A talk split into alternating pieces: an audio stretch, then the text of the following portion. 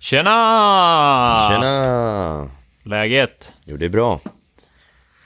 Eh, Är, är det okej att ha morgonröst 10.43? nej, det är inte okej. Nej. Men eh, du kanske lider av post-covid. Det finns en risk. Det finns en risk. Ja. Eller är post-covid slash eh, borrelia. Ja, det kan också. Din kropp har varit med om mycket. Ja. Eller post-covid, post-borrelia och post min 30-årsfest. Ja, ja, den också. Jag har varit med om mycket. Ja. Min stackars kropp. Ja, m- min röst känns mörkare än vad den brukar vara. Mm. Men det är mer post min 30-årsfest. Mm. Ja, du är inte 30 än, så du Nej, kan inte skylla på det. Det är jag inte, men, Nej. men jag har ju firat min 30-årsfest. Ja. Ja. ja, det var kul. Ja, det var det. Eh, så att eh, jag tänker att vi kickar igång avsnittet. Mm. Välkommen till Drömgolf.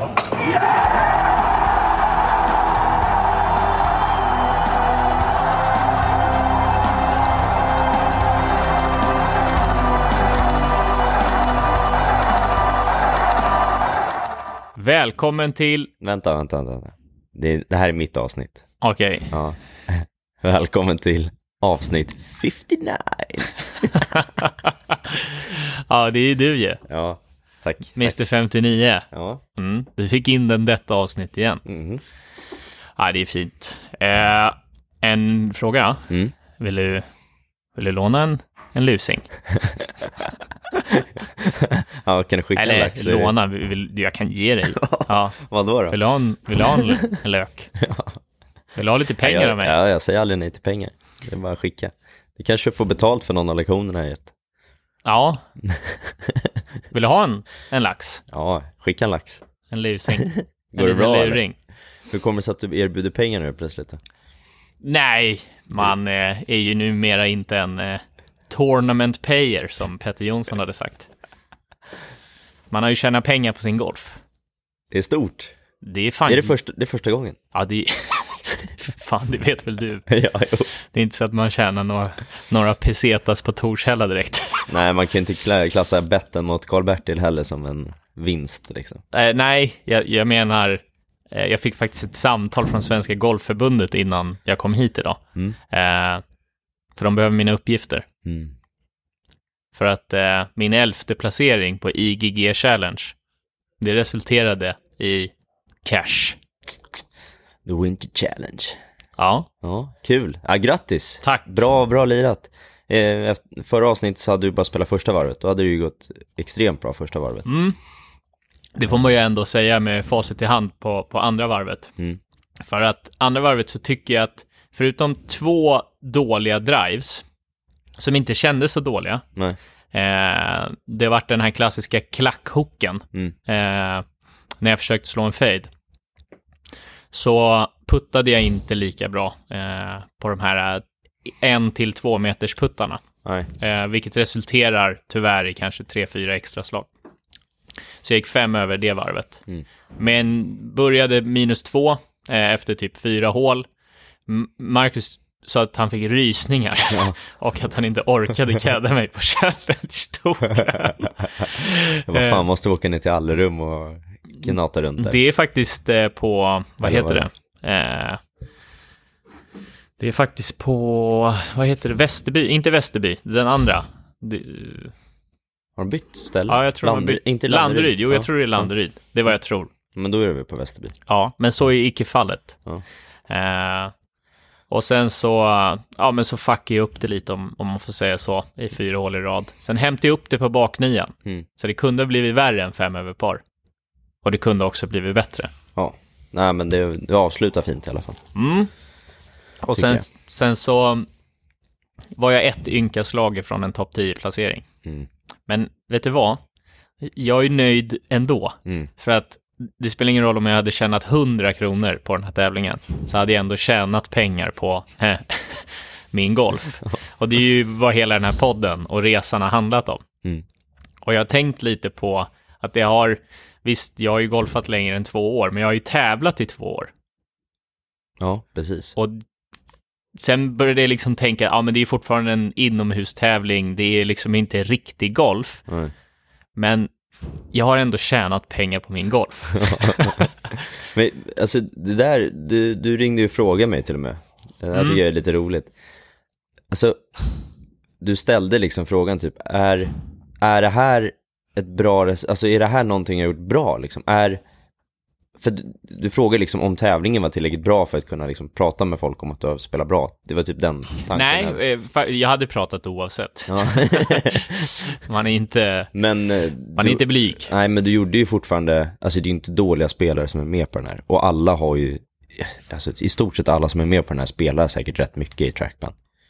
Så du, du gör ju ändå, alltså otroligt bra. Du spöar ju rätt många liksom torspelare som är riktiga torspelare om man kallar dem så. Ja, eh, och det har jag någonstans landat i. Ja. Att eh, jag är väldigt nöjd. Och jag är glad för att jag är nöjd. Ja, det är bra. Ja, Det är lite landslagsspelare som är under det också. ja det är ju fint. Ja. jag såg det, jag var tvungen, Eh, en liten, en liten eh, ja det, det, det är kul att känga till några sådana där duktiga spelare. Jo, och sen är ju också golf golf. Mm. Eh, jag, min bästa dag, är ju bättre än landslagsspelare på inte deras bästa dag. Däremot om de tajmar sin bästa dag Mm. så är ju de bättre än mig. Mm. Men, eh, Och jag men, framförallt deras sämsta dag är bättre än din sämsta dag. ja, framförallt det, Ja. ja. Ja. Eh, så resan fortsätter, Mm. men det känns ändå fint liksom att man man har med sig en liten seger i, i, i väskan. eh, och då är ju också frågan att vi har ju pratat om att eh, plus fem, tror jag det var, vi kom överens om, eller plus, ja, mellan plus tre och plus fem, någonstans där i alla fall, eh, skulle vara resultatet på en tävling för att göra om mig själv till antingen non-amateur Just eller det. PGA. Eh, så att nu, nu känns det ju ändå rimligt att eh, göra om mig själv, alltså gå från amatör och ta nästa steg. Mm. Det tycker jag. Vad tycker du? Ja, men jag tycker det. Tycker du det? Jag tycker det ska bli non-amateur. Non-amateur? Ja. Ja. För att, som jag, jag och Kalle satt och pratade på din 30-årsfest tror jag var, till och med. Ja.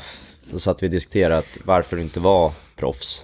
Ehm, och så sa vi just där att är du professionell, skulle liksom så här, inte mot förmodan kanske kan man säga, men du skulle kunna skrälla på en stor tävling och göra två, tre bra varv. Alltså liksom en SGT-tävling till exempel. Ja. Och så spelar du så som du gjorde nu. Och så helt plötsligt så kommer du topp 10 på en sån tävling där det är mer pengar i potten liksom. Jo, men det är och det jag menar. Så det- säger du nej till 45 000 och så får du ut 8 000 av dem. Mm. Och då känns det bara för att du ska vara amatör eller inte. Men jag tycker det är ganska no-brainer. Nu finns det ju risk att du kan dra in lite deg. Nu tar vi klivet. Ja, Ja, men det ska vi göra. Hur gör jag? jag tror du eh, googlar på det. Okej. Jag, jag vet att vi tittade upp hur man gjorde förut. Men det är via Golfförbundet som du, du mejlar in och säger att du vill bli det och så pröjsar du 4 000 spänn eller sånt där tror jag. Mm. 2-3 tusen spänn kanske. Så det pengarna du tjänar in nu går rakt till det. Det investeras. Du får, inte, du får inga pengar av mig förresten, jag tar Nej. tillbaka det. Du behöver investera dem. Du får min vänskap. Yes, efter två år. Ja, det är fint. Nej, men, eh, men det känns jävligt eh, eh, roligt i alla fall. Eh, och man, jag har tampats lite, eh, jag gillar den här sista bossen-effekten. Mm. Eh, att om man har åstadkommit någonting så kan man göra det igen. Jag har tampats lite med om liksom sista bossen-effekten har samma effekt när det är inomhus kontra utomhus. Men någonstans är ändå känslorna likvärdiga när jag tävlar. Man känner en nervositet, man känner, man känner liksom en vilja av att prestera. Jag tog ju inte lätt på det. Nej. Det var många knutna nävar när jag gjorde något bra. Mm, Mm. verkligen. Ja. Men det som, är, det som är fint att se, det är att du tar tävlingen på allvar. Ehm, på det sättet att du, du tränar inför den. Du eh, gör dig förberedd på liksom hur är banan, hur ska jag chippa på de här lägena, vad ska jag inte missa och så vidare. Vilket många kanske inte gör på en sån här tävling, vilket gör att du kanske vinner bara några slag redan där. Mm. Du vet ungefär var du ska spela ut bollen någonstans och så vidare. Sen kanske den inte går dit hela tiden. Nej, Eh, men samtidigt så behåller du det som jag tycker många borde fortsätta göra.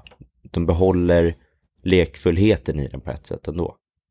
Ja, Precis som vi har pratat mycket, att du ska inte gå ut och ställa dig, i det här fallet på simulator 7 för dig själv och stå och, och ingen får komma i närheten, man drar för och du ska spela själv. Det hade inte varit samma grej tror jag. nej, det håller jag med om. Men sen var jag väldigt tydlig att eh, alltså det kan ju bli väldigt bra häng här på Nacka Indoor. Ja. Så att det inte skulle bli för mycket ståhej kring det. Nej, men det var ändå ett, ja, folk tittade på, men man kanske inte går fram och drar kommentarer och sånt där, utan man, nej, men det är okej att folk tittar liksom. Ja, ja, absolut. Och att du kan fira med oss istället för att du står själv och knyter näven på det sättet. Ja, Sen är frågan om det hade gjort någon skillnad, om du hade, om du hade gjort minus två själv, hade det varit lika roligt? Eller hade det känts, hade du fortfarande knutit näven på samma sätt? Eller hur funkar du som person där? nej, men jag tror delad glädje är ju roligare. Ja, det tror jag också. Alltså, det är ju, men så är det ju allting. Man är ju ingen eh, ensam varg. Nej, det, det, det är du inte. Nej, det är man fan mig inte. Nej, men så att... Eh... Nu kan de fan få en tusenlapp ändå, Marcus. Ja, snällt. Ja, din lille jävel. Jag säger mycket snälla grejer kanske. Ja, Jag smörar nu här för att få in deg. Ja det, det gjorde du. Du fick också frågan hur du orkar med mig på min 30-årsfest av en av mina närm närmaste vänner. Jag tror jag fick det av tre, tror jag. Ja, Hur orkar du vara man så mycket? ja, eh, så jag, jag sa, jag kommer inte ihåg vad jag svarade för att, ja. du satt bredvid mig. Jag kommer inte jag kommer inte, ja men det var när vi satt där, ja just det. Ja. Ja. Jag kommer inte ihåg vad mitt svar var, men eh, det är ju mycket, man ger och, man ger energi och du får, du ger mig mycket energi, det är väl det. Så är det kul att hänga. Hänget är ju halva grejen. Hängpung. För, han frågade ju just där att, eh, ja, hur, hur du kan lägga så mycket tid och energi på, på Max liksom. Och det är fint tyckte han. Och det, det är väl många som tycker det. Många är avundsjuka i din sits tror jag.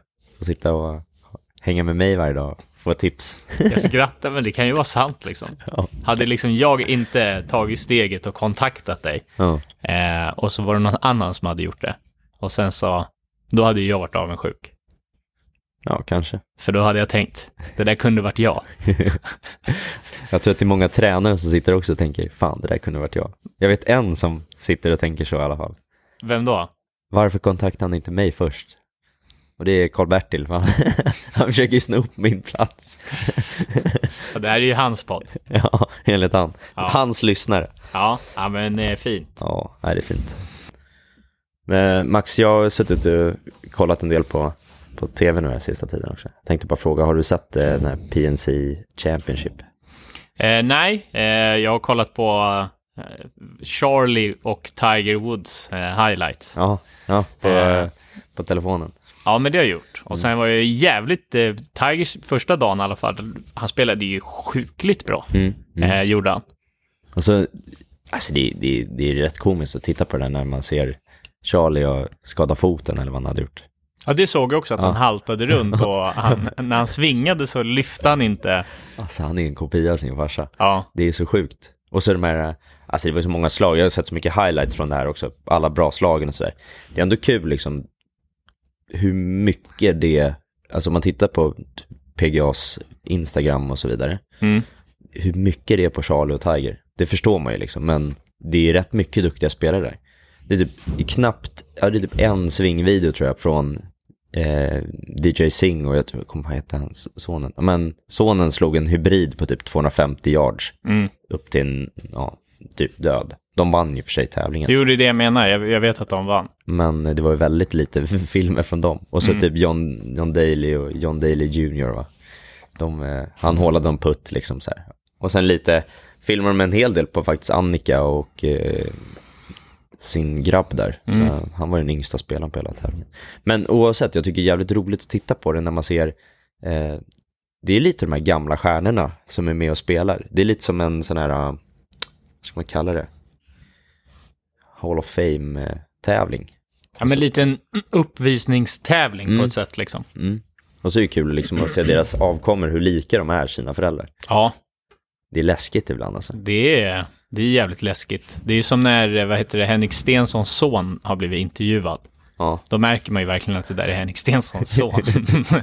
han är lite så här halvcynisk. Och det är så roligt att han är typ 11-12 Ja. och blir intervjuad och liksom pratar som att eh, han, ja men pratar som Henrik gör efter ett varv. Det är verkligen, eh, det är verkligen samma. Ja, ja verkligen. Mm. Det, det där är, ja, jag, tycker, det har väl säkert varenda en som har koll på golf att ja men Tiger och Charlie är väldigt lika i sina intervjuer också. Och de, de är rätt lika på hur de berättar, ja, hur viktigt de är för varandra och sådär. Men en grej som jag tycker var jävligt intressant som jag märkte igår, Mm. ehm, nu hoppar jag lite ämne här, men jag kom på det nu när vi pratade om PGA-touren. Som jag tycker var väldigt märkligt, för jag gick in och skulle kolla tot, över liksom hur mycket man har tjänat på sin karriär. Mm. Och så gick jag in och kollade på liksom, total earnings. Och så bara, ja, men, så jag pratade med, jag var faktiskt på Ågesta igår och träffade några av eh, gamla junisarna där. Stod med Tempoguden och eh, Simon Strandberg. Ja. Ja. Vilken lång paus det var. Ja, men jag hade ju strömfält i huvudet. Ja, Han var ju också där, Ja. så att jag var tvungen att tänka till där. Så man inte säger fel. Men Simon Strandberg och Rickard, och vi stod och pratade om eh, eh, Jim Furyk. Liksom att, ja men, vi pratar om hur en sving, alltså jag sa att svenskar eller nordiska spelare liksom fokuserar väldigt mycket på hur svingen ser ut oftast. Att den, ska, den tekniken ska vara perfekt innan du går ut och spelar. Mm. Och då sa jag, tänk om man hade petat på Jim Furyks lilla krok han upp, som han hade uppe på toppen. Han har ändå spelat in näst mest av allihopa, sa jag. Mm. Och sen skulle jag gå in och kolla då på den här listan. Och då är det liksom, det är Tiger etta, han spelar in 120 miljoner dollar och sen är det tvåa Jim Furyk. Men jag bara, det kan inte stämma att han är tvåa, för jag tänker Phil Mickelson måste ha spelat in rätt mycket, Dustin Johnson, men alla livspelare är borttagna från den listan på pengar de har spelat in på PGA-touren. Mhm. De är inte ens med på den listan. Nej. Och alltså, varför är de inte det? Har du någon tanke kring det? Det känns ju jättekonstigt att de är borttagna så. De har ändå spelat in rätt mycket pengar. Jo men absolut. Men det känns ju som att eh, det är en form av kukmätartävling nu mellan LIV och PGA-touren. Ja, det blir väl så. Det blir så. Eh, och jag tror att det blir ju mer och mer infekterat. Men förhoppningsvis så lägger det sig. Ja, det borde göra det. Men Ja. det, det, det blir lite så här att det är som att någon snor någons leksak på ja, dagiset liksom. Det Ja. känns lite så just nu. Och då börjar de liksom sätta regler för att de inte ska få vara med och leka längre. Men det blir väl så med stolta prestigefyllda gubbs Ja, som äger någonting. ja så är det väl. Eh, det här är mitt. Jag bestämmer. Men eh, i Tiger-dokumentären så pratar ju Earl Woods om Tiger som att han ska vara liksom, ja men typ nutida Jesus som ska förena liksom, ja men det, det vita och det liksom afroamerikanska folket. Mm. Eh, det nämner han, Ja, liksom att ja. han har en, en större roll än att spela bra golf. Mm. Men eh, det kanske är att han ska ena alla torer. Och skapa golfens riktiga Champions League. Ja, där han är Tiger Tour. Eller det han blir liksom golfens Jesus Christ. Ja men det, han är ju lite det nu, alltså på det sättet. Måste man ändå tycka. Men, Ja, det men är det är en bra tanke du har där, för att det krävs nog att han går in och, för att nu lyssnar ju Rory och de här, de, de är ju på Tigers sida, de försöker göra PGA-touren så jävla bra nu igen. Mm. Men det borde ju nästan vara liksom, han är ju den som kan göra någonting åt saken. Tiger, ja. Ja. Ja, han har, han, han har, vad heter det? Han är större än eh, PGA-tour, eh, PGA-touren och alla tourer. Ja, alltså han ja, som Live varumärke. Också. Det är lite samma i, eh, i andra sporter. Typ eh, om man tar UFC till exempel. Mm. Så blev ju Conor McGregor större än organisationen. Ja. Så att han fick ju då gå ur organisationen. Jaha. Eh, inte ur organisationen, men han, han startade sin e sitt egna eh, promotingbolag. Och via det promotingbolaget så fick han då möta Floyd Mayweather i den här boxningsmatchen. Ja. Och då tjänade han ju enormt mycket mer pengar eh, än vad han skulle gjort om han gjorde det via UFC. Är inte, det, är inte det en snackis att de fighterna i UFC inte får tillräckligt mycket pröjs? Eh, absolut, det är det. Eh, det är en ganska stor snackis. Sen så hade ju, eh, det var väldigt mycket snack om att, alltså, man kan ju bli eh, stor som profil även om man inte är bäst i världen. Alltså du kan ju vara duktig på att ha din egna YouTube-kanal eller podd eller whatever. Eh, och via det liksom så här varumärket så kan du ju få in sponsorer. Mm. Och det vill säga att när du går ut då till, ja, till buren eh, så kan ju du ha, ja, du kan ju vara fullsmetad med olika typer av sponsorer som ger dig pengar för egentligen den tv-tiden eller vad man ska kalla det. Men då gjorde UFC att de, UFC att de, de låste alla fighters. Så när de är liksom på den stora scenen så fick, eh, var de tvungna att ha Reebok-kläder.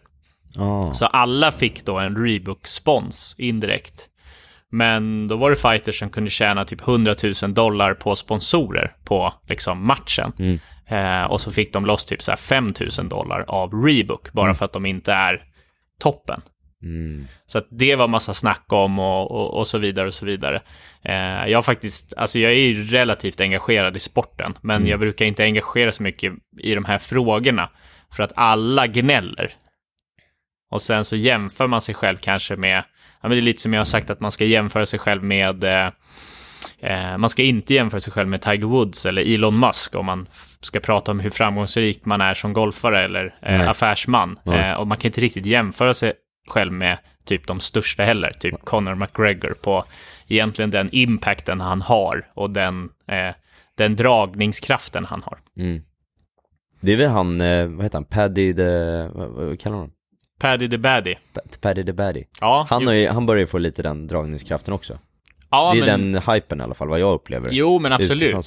Det är en jävligt... Eh, alltså, det, det är en väldigt underhållande liksom, kille, eh, om man säger. Och det påvisar ju egentligen bara, inte att han inte liksom är eh, Han är, duktig. han är ju rätt vass också. Han är vass, men ja, om man jämför han med, med typ Conor McGregors, eh, alltså, eh, vad heter det, eh, matcher till Ja. toppen, Ja. så är ju, ja men det är mycket mer, imp- alltså jag tycker Conor är mycket, mycket, mycket mer imponerande. Mm. Jag menar, under en period på det han faktiskt åstadkom, det är ju sjukt Mm. fascinerande. Eh, det var hans peak liksom. Mm.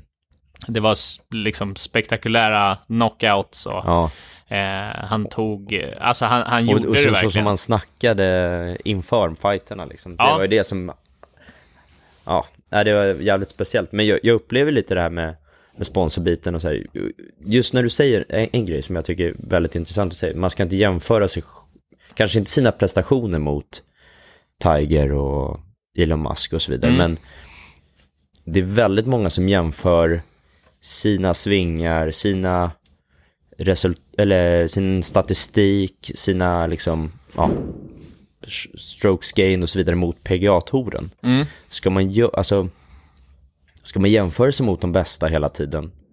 Eller ska man jämföra sig mot vad man är idag och vad man kan, vad sina liksom bitar man behöver jobba på, vad man själv tycker? Alltså vad, vad är bäst? Jag vet inte vad, vad tycker du i den frågan? Jag, jag tycker det är ju en, rimlig mätpunkt, alltså att mäta sig mot de bästa. Mm. Sen så hur man förhåller sig till, eh, ja, det här med att bygga självförtroende över tid, hur man förhåller sig till eh, resultatet. Sen Mm. får man ju tänka på att om man står och tränar puttning på en green och är i träningsmode och jämför sig själv mot PGA-tourens tävlingsvarv. Eh, så då blir det ju lite, alltså det kan ju bli lite konstigt eller? Ja, För jag har ju, upplever ju att jag är ju mycket sämre på tävling än vad jag är när jag står och tränar. Eller hur? ja, Det blir ju så. Jag Ja. slår ju betydligt mycket bättre slag på ranchen än vad jag gör på tävling. ja absolut. Eh, och ja, så att jag, jag tror absolut det är en, en, en bra mätpunkt. Mm. Jag, jag vet inte om jag berättat det här eller pratat om det här i podden tidigare. Det kan jag ha gjort för man pratar ju så jävla mycket. Men eh, en, en bra punkt just med strokes gain det är ju liksom att om, man, om du jämför dig själv hela tiden mot PGA-touren så de har inte spelat samma bana, samma uppsättning och så vidare. Det kan ju faktiskt vara så att viss uppsättning är väldigt mycket lättare än vad det är på PGA-touren, absolut. Mm. Och jämför man då sina resultat på, ja, när man är ute och spelar på Ågestas KM mot eh, PGA-touren med deras griner och deras möjligheter, Mm. ja det blir en helt annan grej. Ja, man ser att ja, du är väldigt mycket bättre än vad de är på putta på 0-2 meter. Ja, men deras griner är 13 på stimpen och dina är 10. Mm. Det kanske är så stor skillnad att ja, men då kan du trycka till den lite och hålla linjen bättre eller whatever liksom. Ja, Så man får ju liksom ha lite överseende att jag tror att det är väldigt bra att ha en benchmark, i min tanke i alla fall, mot ja men PGA-tour eller de bästa. Mm. Att se så här, okej, där, det här är jag sämre på. Men att du hela tiden pushar din egen limit på de här bitarna. Alltså, okej, fan, min, jag har den här statistiken i puttning, eller jag har 43% fairway-träffar. Jag borde, om jag kan öka det till fem, över 50% så kommer jag ju kunna spara några slag. Mm. Och sen näst, efter, efter 2023 så tittar man, ah, fan jag har 55% fairway-träffar, bra, då har jag utvecklats i min, min driver-statistik liksom. Och jag, jag slår längre och behåller ändå statistiken på att jag träffar fairways. Mm. Istället för att, okej, 55, det är fortfarande, ja, snittet på PGA-touren är 70, fan vad dålig jag är på att slå drivers. Alltså att man får liksom ta det över tid. Man skulle kunna använda ramen av rimlighet när det kommer att jämföra sig Mm. själv. Den är bra. Skulle man kunna göra.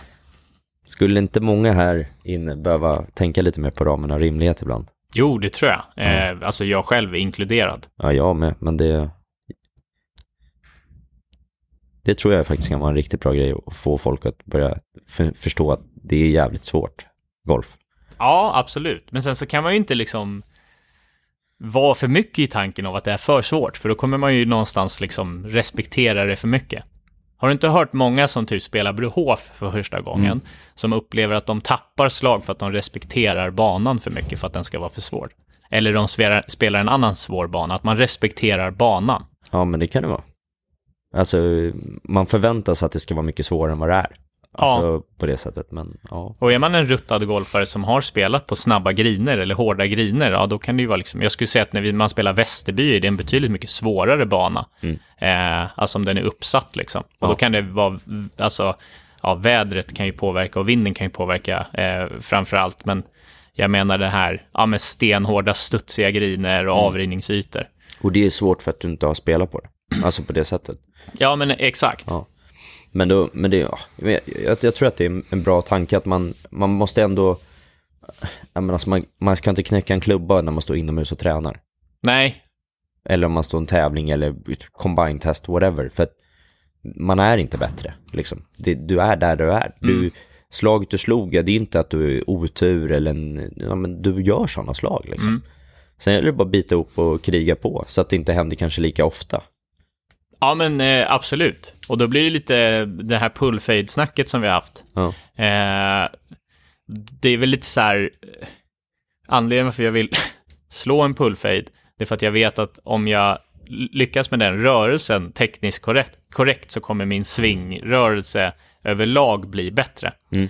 Men när jag tävlade nu Mm. så är det inte så att jag står och slår bara pullfadar, Nej. utan då tar jag ju fram det slaget som funkar. Eh, vilket var i viss fall en pullfade, Mm. för att distansen skulle vara rätt, för den går generellt lite kortare. Eh, men jag, eftersom jag har hela tävlingsvarvet på film så, så ska man ju plocka fram det som funkar. Och liksom estetiskt sett, om jag kollar mina svingvideos som jag har eh, från innesäsongen, så finns det ju jätte, jättesnygga eh, svingvideos. Mm. Eh, alltså som jag själv tycker på mig själv när jag står bara på ranchen Mm. och har slagit eh, 15 järnåttor i rad. Eh, men så såg det inte riktigt ut på tävlingen. Eh, och ja, man, då plockar man ju fram det som, som man har i väskan. Va? Mm. Så att, eh, ja, man får... Men, men ändå, för att sitta och titta bredvid och sett några av videorna som du har lagt upp nu också, så att Mm. man ser det igen, så ser det ju jävligt stabilt ut. Tycker jag. ja, och det här är ju på detaljnivå enligt mig själv. Ja. Alltså nu tänker jag bara estetiskt sett. Och Ja. liksom, ja, alltså man blir... Eh, jag har jämfört det förut med ett buggmål i Fifa.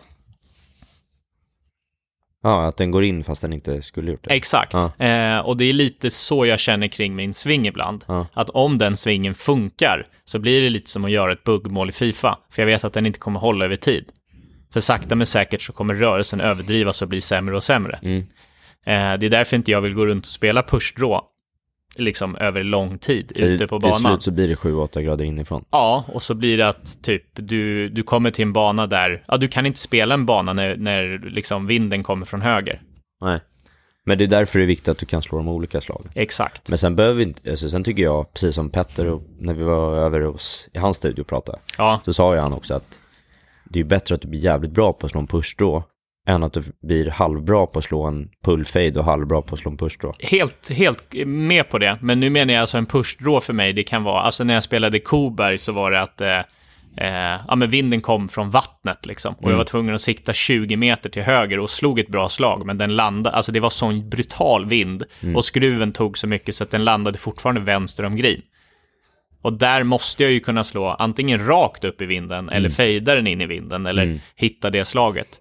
Eh, Och d- därför är, är ju din, din teknikträning, enligt mig i alla fall, är ju inte en, att du behöver ligga på någon, per, eller så, det är inte den estetiska du behöver utveckla. Utan du behöver bli trygg med att kunna slå både fade och draw på beställning. På så, vilket du kan göra stundtals i alla fall. ja, men det är, den, det är den jag upplever, när du, när du spelar bra, svingar bra och det tempot är bra liksom. Då kan du slå dem där på beställning. Men ibland så, som när vi hade haveri här i början på säsong, vintersäsongen, Mm. när du sulade driven och höll på, då kunde du ju inte slå en pullfade i överhuvudtaget. Det gick nej, liksom nej, inte. det, det gick inte. Och då var det ju i svingen så pass fel i timing och känsla och så vidare så att resultatet blev ju fel på, eh, över tid liksom. Och därför är det viktigt då att man, okej, vi behöver jobba pull-fade i det här fallet. Mm. Det är din motsats till vad du gjorde annars då. Ja, men absolut. Men jag blir väl lite för neur- neurotisk i de lägena. Jag borde egentligen bara ta en paus i fyra, fem dagar. Ja, Egentligen, och sen komma tillbaka och liksom ha en helt annan syn på det. Så att jag inte kan tänka att jag ska svinga perfekt när jag men liksom det- inte har det i mig. ja, men det var ju väl det som var hela grejen. Du hade ju typ ta, haft en paus på typ två veckor eller någonting. Och sen så skulle du försöka svinga Nej, ja. det, nej, det var sist när Ja. du ringde mig i Facetime och höll på där. Ja, men det du var när jag var sjuk. Ja. Mm. Och så har du suttit och kollat på lite för mycket swingvideos hemma. Mm, ja, men jag, jag tror, men, men om man tar, eh, alltså om man, om man bortser liksom från, från mig och, och andra elitgolfare, om man jämför med innesäsongen för de som kanske tränar en, två gånger i veckan, Ja, då ser man ju dem oftast liksom verkligen, verkligen stå och försöka motverka någonting. Eh, det vill säga att om man kommer sju grader utifrån, ja men det är lite mycket. Då är det helt rimligt att fokusera på siffrorna. Och det är helt rimligt att liksom försöka ändra om och fixa och trixa.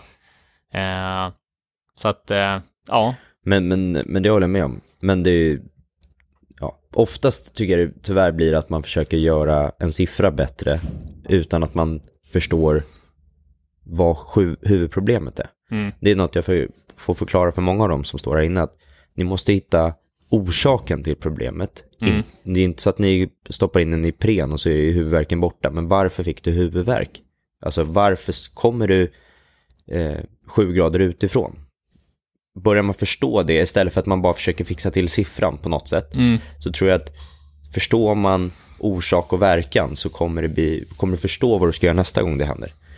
Precis som du förstår att okej, okej, men jag glider lite mycket med höfterna, eh, jag är lite snabb med kroppen och då kommer jag sex grader inifrån. Mm. Okej, jag behöver känna att jag svingar väldigt mycket negativ swing direction, kanske rotera lite med höfterna och så vidare för att jag ska kunna slå en pull, pull fade då. Alltså, då förstår ju du varför du ska göra det. Och då förstår du liksom orsaken och verkan. Så den tror jag kan vara en väldigt viktig grej för många att det är därför jag tycker många borde ta fler lektioner, för att då kan de faktiskt få förklarat för sig varför det händer. Ja, men absolut. Och från mitt perspektiv, att, eh, och jag, jag kan också hamna där, speciellt nu på, på innesäsongen, men att man, att man har sina go-to-drillar att gå tillbaka till för att hamna i rätt position mer eller mindre. För man ser alldeles för många som bara står och full, full, full, full svingar hela tiden på ranchen. Och så undrar man varför det inte funkar. Och så är det en drill kanske fyra, fem gånger och så funkar inte drillen heller. Ja, men så går man tillbaks till och så fulla järnsjuor. Eh, dels så blir man väldigt trött utav det och, och sen så funkar det sällan över tid och hamna i rätt position när man har liksom 100% kraft hela tiden. Mm. Men vad är veckans svingtips, Ja, Marcus? nu när vi ändå pratar om det. Det är dags för det nu. Ja, Ehm, och det är en... Veckans svingtips är ju en... ehm, kanske inte det, om man säger, sexigaste svingtipset ever. Men det kanske är det viktigaste för de absolut flesta golfarna att förstå. Om vi pratar om orsak och verkan. Mm. Så för mig är eh, det viktigaste i golf, det är ju en bra bollträff. Eh, Det kommer något svingtips lite senare på hur vi får den perfekta bollträffen tänker jag. Men den, det viktiga med att kunna få en bra bollträff är ju att du ska kunna hantera golfklubban. För att vi spelar ju golf med ett verktyg kan vi kalla det. Att vi har ju massa olika klubbor i vägen. Eh, och det viktigaste är, eh, i min värld i alla fall, att vi ska kunna hantera de här. Och det som hanterar golfklubban absolut mest är ju händerna. För håller vi, håller vi klubban på fel sätt, förstår vi inte vad händerna ska göra i svingen så försöker man lösa det med kroppen och det är då det ser ganska konstigt ut oftast. Så att jag vill försöka ta bort så mycket problem som möjligt genom att inte bara greppa klubban bra utan ni ska förstå vad den nedre handen gör och den övre handen gör i svingen. Och eh, det är egentligen förstå att de har lite olika uppgifter och kan man förstå till exempel en grej som vi har pratat mycket om är att den nedre handen är den som skapar fart. Mm. Eh, hos nästan alla golfare i alla fall. Eh, alldeles för många drar med den övre handen istället för att skjuta på med den undre handen. Eh, och det blir lite tydligare när man kollar på videon sen så småningom kommer ni förstå. Men för mig som är högergolfare svingar egentligen typ till 90% med högerhanden och vänsterhanden är egentligen med och styr och hjälper till lite grann. Men försöker man dra med den övre handen så kommer du dra greppet snabbare än klubbhuvudet. Och då kommer klubban komma efter och oftast är den då lite öppen och så kommer bollen gå väldigt mycket åt höger. En slice. Så kan man bara lösa händerna och förstå att det är de som kontrollerar klubbhuvudet så att man kan starta bollen i den riktning man vill så kommer det bli mycket lättare. Mm. Det är fantastiskt. Och du, eh, det kommer en video på det här också va? Yes. Det är riktigt fint att vi håller vad vi lovar. Utnyttja din kompetens till våra lyssnare. Ja. Eh, och sen så har vi en till grej att gå igenom. Mm. Eh, just, eller vi satte ju upp en tävling eh, som intresset eh, har varit stort bland elitgolfare. Mm. Och det ligger ju lite på mig. Eh, för att eh, var väl inte jättetydlig på exakt hur tävlingen skulle gå till. Nej. Inställningarna var ju väldigt tydliga. Ja. Och det är ju, ja, nu ändrades ju de eh, under tävlingens gång, men det är ju samma inställningar som vi spelade med på IGG Challenge. Mm. Eh, och denna tävling då har ju bara äntrats av eh, ja, eh, elitgolfare, eller liksom elitjuniorer och Mm. eh, mig själv included, Ja. Typ. Eh, och vi inser ju att det är ju en skara av er som är elitgolfare och satsar som lyssnar på podden. Mm. Men majoriteten är ju glada golfare som älskar sporten. Mm. Och det kanske är tråkigt då att träna en gång i veckan och tävla scratch mot någon som tränar sju dagar i veckan. Mm. Så att eh, vi, vi kommer förlänga den här tävlingen, för priserna är ju fortfarande fina. Det är ju Mm. liksom tre timmar till ettan, två timmar till tvåan och en timme till trean. Och sen även eh, lite Cobra eller Puma-kepsar eh, med i, i Bubblarpris. potten. Ja. Lite ja, bubblapris för alla som vill äntra. Mm. Vi kan lägga upp bild på dem, men de är skitsnygga. Ja. Det står även Enjoy Golf på dem. Mm. Så att första priset på tre timmar är då alltså ett handikappbaserat. Mm. Eh, och då spelar man med sitt Trackman handikapp. Mm. Eh, och så postar man då den, eh, den scoren på samma sätt. Man taggar eh, Drömgolfpodd med en bild på scorekortet och eh, Indoor Golf Group. Mm. Så är man med i tävlingen och kan vinna eh, speltimmar, vilket är väldigt uppskattat. Eller en Puma-keps. Mm. Så att eh, spela väl där ute. Ja, verkligen. Så Mm. att eh, eh, en, eh, vi kan väl slänga upp en, en bild på alla inställningar och sånt igen. Så att de som inte kommer ihåg det, eller ja, man behöver leta upp det någonstans, så kan vi lägga ut det på en gång. Ja, men absolut. Och jag, eh, eftersom det är juletider nu, jag menar det är fyra dagar kvar till julafton, Mm. så tänker jag att vi kör den här tävlingen fram till 10 januari. För då har man ju mellandagarna och julledigheten på sig att Mm. spela. Det lät jättebra. För jag tänkte precis fråga vilket slutdatum är. Så 10, ja- 10 januari så ska jag också in och spela, så får vi se om ni kan mätas mot drömgolfarna. Ja, men exakt. Men vad har Eh. du för score då? Ja, men den bästa scoren jag har är ju minus två nu. Ja. Och, eh, och det var ju på IGG Challenge. Skillnaden där var att vi hade 1,2 i Gimme. Mm, Eh, och eh, vi har ju 2,4. det är bra. Eh, ja, så att vi fortsätter på 2,4. Men eh, med handikapp då?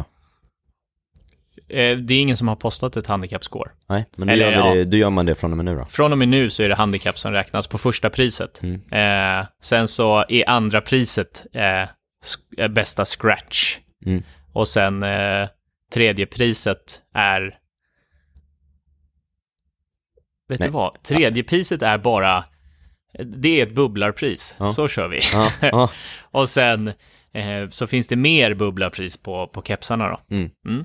Och sen tycker jag också, precis som förra tävlingen, Mm. nu slänger jag in en, en till, ett till pris. För att, jag, Okej. för det är jul nu. Ja. Jag känner mig lite ju- julig. Mm. Det här är ju precis innan julen kommer släppas. Mm. Så att eh, sista pris, den som har högst score då, med handikapp, Med handikapp. ja, eh, får en lektion med mig också. Ja. På Nacka Indoor. MJ Golf Acad. Ja. My guy. ja, men vi får ju passa på att önska er ett, eh, en god jul och gott nytt... Nej, gott nytt år kan vi. Vi hinner nog med ett avsnitt i mellandagarna. Det Ja, gör vi. ja, Men så god jul, Mm. gott folk. God jul. Marcus ska även vara eh, julvärd i år. eh, på SVT. Så att eh, det kommer finnas massa Aftonbladet-artiklar där om eh, årets första...